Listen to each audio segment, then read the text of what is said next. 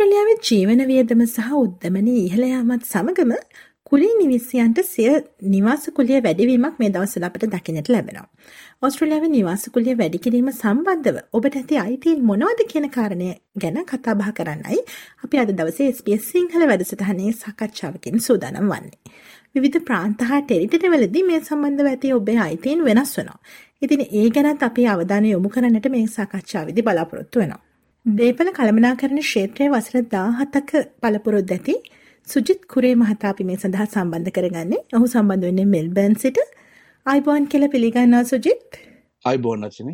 සුජිත් මම මුලින්ම ඔබගෙන් දැනගන්න කැමති මේ ජීවන වියදම සහ උද්දමනයේ වැඩිවීමත් සමගම කුලී නිවාස වෙළඳපොලේ දකින්නට ලැබෙන ප්‍රවණතාවයන් මොනවද? ඇත්තටම දැන් මේ කුලී නිවසවල තියෙන ප්‍රවණතාවය මනින්න පුළුවන් හොඳම දර්ශකයක් තමයි වේකන්සි රේට් කියන එක. වේකන්සි රේට් එකක් කියලා කියන්නේ දැනට මාකට් එකේ තියෙන සම්පූර්ණ රෙන්ට් රෝල් එක. ඒ කියන්නේ රෙන්ට් කරලා තියෙන රෙන්ට් කරලා නැති ඔය ඔක්කොම ප්‍රොපර්ටිස් වල එකතුවත් එක්ක කම්පෙයාර් කරලා බලනවා දැනට රෙන්ට් කරලා නැති ප්‍රොපර්ටි වල ප්‍රසන්ටේජ් එක කීයද කියලා. ඒකට තමයි වේකන්සි රේට් එක කියන්නේ. ඒතර දැන් අපි බැලුවම මේ වේකන්සි රේට් එක එන්න එන්නම අඩු වෙනවා. ඒ කියන්නේ රෙන්ට් කරන්න තියෙන ගෙවල් එන්න එන්න අඩු විදිහට තියෙන. හැබැයි ඒක එක එක ප්‍රදේශවලට අපි වික්ටෝරියාව ගත්තොත් මෙට්‍රොපොලිටන් ඒරියා එකේ එක දර්ශකයක් ඊළඟට රීජනල් වලට යනකොට තව දර්ශකයක් වගේ තියෙනවා. හැබැයි ඕවරෝල් ගත්තම මේ වේකන්සි රේට් එක එන්න එන්නම අඩු වෙනවා. එතකොට වේකන්සි රේට් එක අඩු වෙනවා කියලා කියන්නේ මේ රෙන්ටල් ප්‍රොපර්ටිස් වලට තියෙන ඩිමාන්ඩ් එක වැඩි.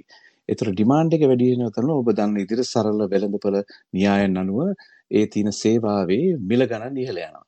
එතකොට දැන් මේ රෙන්ටල් මාකට් එක වෙලා තියෙන්නේ මේ තියෙන ප්‍රශ්නෙත් එක්ක මේ තියෙන ඩිමාන්ඩ් එකත් එක්ක අඩුවෙන් ගෙවල් රෙන්ට් එකට දාන එක අඩු නිසා මේ දවස්වල සතියකට ගෙවන කුලී වාරකය එන්න එනම් වැඩි වෙනවා. එතකොට මේකත් මේ උද්දමනයත් එක්කම හරි හරියට යන විදියට පටන් අරගෙන තියෙනවා. ඔබට තවත් මේක ඉස්සරහට විග්‍රහ කරන්න ඕන නම් දැනට මෙල්බර්න් වල වේකන්සි රේට් එක හතරක් කියලා තමයි අපි කියන්නේ. ඒතර මේ හතර ගන් එන්නේ මේ විදිහට. දැන් මෙල්බර්න් CBD එකේ ඉඳන් කිලෝමීටර් 0.4යි කිලෝමීටර් 4යි අතර තියෙන සබර්බල් ඒ රේඩියස් එකේ තියෙන ගෙවල් වල වේකන්සි එක 3.9යි. කිලෝමීටර් 4යි 10යි අතර රේඩියස් එකේ තියෙන සබර්බ්ස් වල 5.5යි. එතකොට මිඩල් රේන්ජ් එක කියන්නේ කිලෝමීටර් 10යි 20යි මෙල්බර්න් ඉඳන් කිලෝමීටර් 10කුත් 20ක් අතර රේඩියස් එකේ තියෙන සබර්බ්ස් වල තියෙන කුලියට තියෙන ගෙවල් වල වේකන්සි රේට් එක 6.1යි. අන්න එතන වැඩි වැඩිපුර ප්‍රමාණයක් අපිට පේනවා 6.1ක වේකන්සි රේට් එක. ඒ කියන්නේ මිනිස්සුන්ට ඒ හරියෙන් ගෙවල් ටිකක් අඩු ගන්නට ගන්න පුළුවන්. හැබැයි ප්‍රශ්නේ පටන් ගන්නේ කිලෝමීටර් 20ට වඩා වැඩි රේඩියස් එක කියන්නේ මෙල්බර්න් ඉඳන් කිලෝමීටර් වැඩි වෙන හරියේදී වේකන්සි රේට් එක 1.6ක් වෙනවා. අවුට මේ මොනිටන් පෙනිසුලා වගේ තැන්වල ඒක 1.4ක් වෙනවා. රීජනල් වලත් එහෙම රීජනල් වලත් 1.7යි දශම 9 දැන් උදාහරණයකට මිල්දුර වල දශම 9යි. එතකොට ෂෙපර්ටන් වල දශම 7යි. බැල්රට්ටල එකයි දසම පහයි මේ වේකන්සි රේට් එක මම හැමතිස්සෙම වේකන්සි රේට් එක වැඩිපුරම කියන්නේ වේකන්සි රේට් එකත් එක්ක තමයි මේ කුලියල් කුලීවල වෙනස්කම් හැමතිස්සෙම එන නිසා ඔව් සුජිත් ඕස්ට්‍රේලියාවේ බොහෝ දෙනා ව්‍යාපාරයක් විදියට නිවාස වෙළඳපොළ තෝරගන්නවනේ. ඉතින් ඉඩම් හිමියෙකු විදියට එහෙම නැත්නම් කුලී නිවසක අයිතිකරුවෙක් විදියට මේ කුලිය වැඩිවීම සම්බන්ධයෙන් ඔවුන්ට තිබෙන අයිතීන් මොනවද? කුලිය වැඩි කරන්න එක හැම මේ ඉන්වස්මන් ප්‍රොපටි එකක් ඇයිති එක්කෙනෙක්ම අපි කියන කරන්න රෙන්ටල් ප්‍රොවයිඩ කියල කියන මේ අලුත් ලෝයකත් එක 2019 වල 132 එකසිය තිස් දෙකක් ඇමෙන්මන්ස් රෙන්ටල් ලෝයකටාව රෙසිඩෙන්ශල් රෙන්ටල් ලෙක්් එකටාව ඒක ඉම්පලිමෙන්ට් එකත්තේ 2021 වලින් අප පැන්ඩමික් එකෙන් පස්සේ. දැන් මේකත් එක්ක ගොඩක් ඊවන් අපි පාවිච්චි කරන වචන හිතන් වෙනස් වුණා. දැන් අපි ඉස්සර කියන ලෑන්ඩ්ලෝඩ් කියන රෙන්ටල් ප්‍රොවයිඩර් කියන එක කියනවා. රෙන්ටල් එග්‍රීමන්ට් එක. ටෙනන්ට් කියලා කියන්නේ දැන් ඒක ඉන්න කෙනට. එතකොට දැන් මේ රෙන්ටල් ප්‍රොවයිඩර්ට හැමතිස්සෙම එයා බලන්නේ එයාගේ ඉන්කම් එක වැඩි කරගන්න එයාට රෙන්ට් එක කොයි විදිහටද ඉන්ක්‍රීස් කරන්න පුළුවන් කියන එක. දැන් මේ අලුත් ලෝ එකත් එක්ක මේ කරපු ඇමෙන්ඩ්මන්ට් එකත් එක්ක ඇත්තටම රෙන්ට් ඉන්ක්‍රීස් කරන එකේ එක එක රෙස්ට්‍රික්ෂන්ස් එකක් දාලා තියෙනවා. දැන් උදාහරණයක් හැටියට දෙදහස් දහනමට ඉස්සල්ලා හැම මාස හයකට සැරයක්ම රෙන්ටල් ප්‍රවයිඩට ප්‍රොපටික අයිතික් කෙනාට අවශ්‍ය නම් රෙන්ට් එක ඉන්ක්‍රීස් කරන්න පුළුවන් වුණා. නමුත් මේ අලුත් ඇමෙන්ඩ්මන්ට් එකෙන් පස්සේ දැන් මේ වෙලාවේ බලපවත්වන නීතිය අනුව අපිට රෙන්ට් එක වැඩි කරන්න පුළුවන් මාස 12කට එක සැරයක් විතරයි. එතකොට දැන් මේවත් එක්ක පැනදකිච්ච ප්‍රශ්න ටිකක් තියෙනවා. එතකොට කොහොමත් දැන් වෙන්නේ දැන් මේ වෙලාවේ රටේ පවතින බැංකුවලින් අය කරන ඉන්ට්‍රස්ට් රේට් වල වැඩිවිල්ලත් පැන්ඩමික් එක දවස්වල ඒගොල්ලන්ට රෙන්ට් එක ඉන්ක්‍රීස් කරන්න බැරි වුණ රෙස්ට්‍රික්ෂන්ස් නිසාත් එක පාරටම ලොකු ගානකින් රෙන්ට් එක ඉන්ක්‍රීස් කිරීමේ අවශ්‍යතාවයක් මේ දේපොළ අයිති කරුවන්ට උවමනා වෙලා තියෙනවා. නමුත් ඒව කරන්න ප්‍රශ්න ගොඩක් පනනගෙන ඒගොල්ලන්ට එහෙම කරන්න පුළුවන්ද කියලා. දැන් අපි මේ ගැන තවදුරටත් ඉස්සරහට කතා කරගෙන ගියොත් එහෙම රෙන්ටල් ප්‍රොවයිඩ කෙනෙක්ට රෙන්ට් එකක් ඉන්ක්‍රීස් කරන්න ඕන නම් එයාට කරන්න පුළුවන් මාස 12කට විතරයි. මාස 12කට එකපාරයි කරන්න පුළුවන්.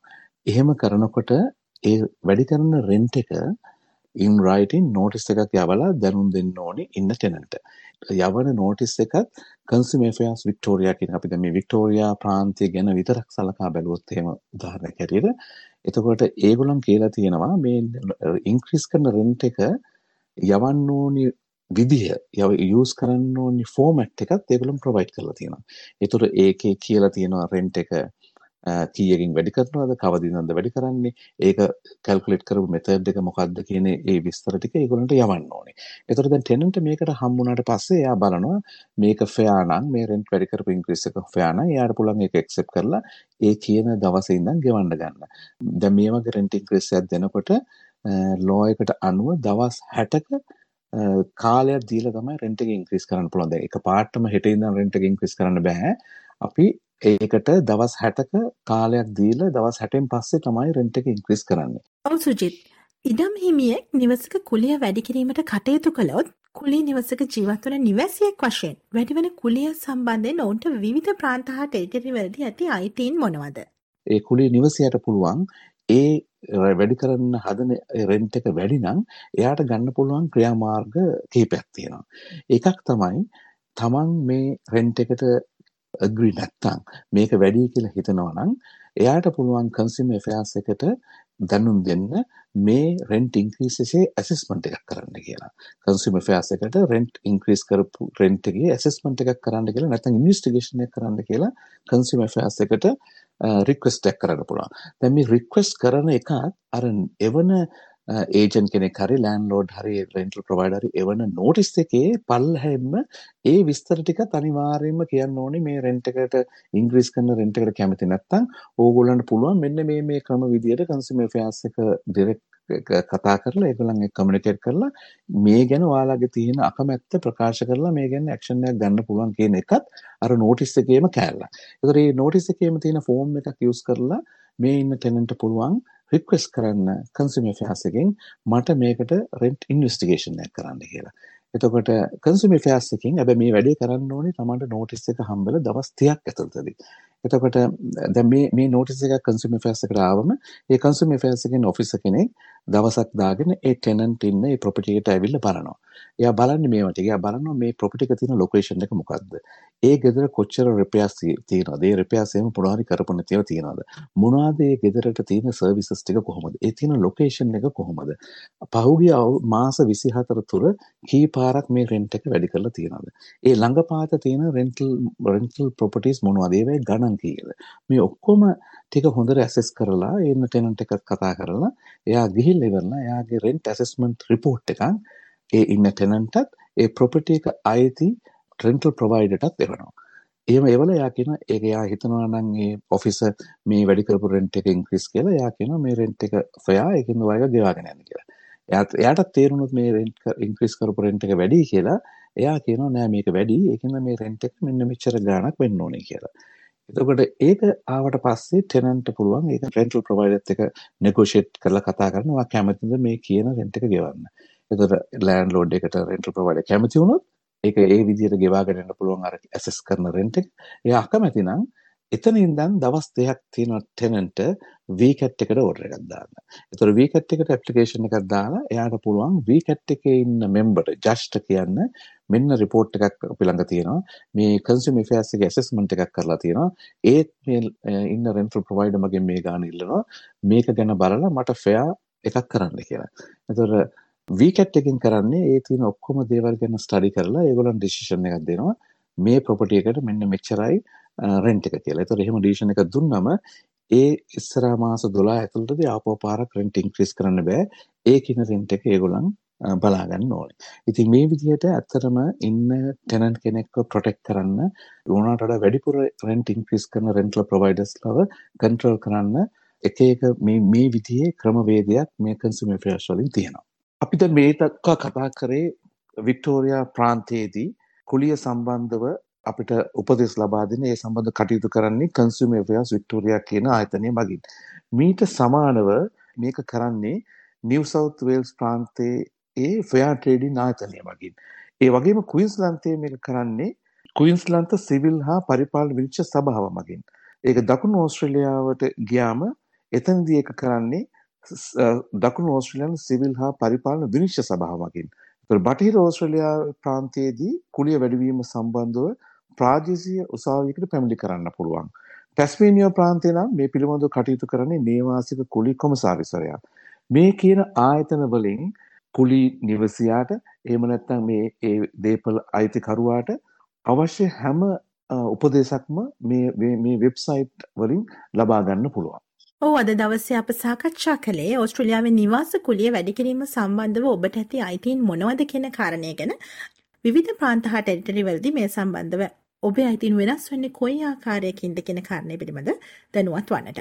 ඉතින් අද දවසේ මේ සාකච්ඡාවට අප සමග සම්බන්ධ වුණු දේපල කළමනාකරණ ක්ෂේත්‍රයේ වසර 17ක පළපුරුද්ද ඇති සුජිත් කුරේ මහතාට බෙහෙවින් ස්තුතිවන්ත වෙනවා.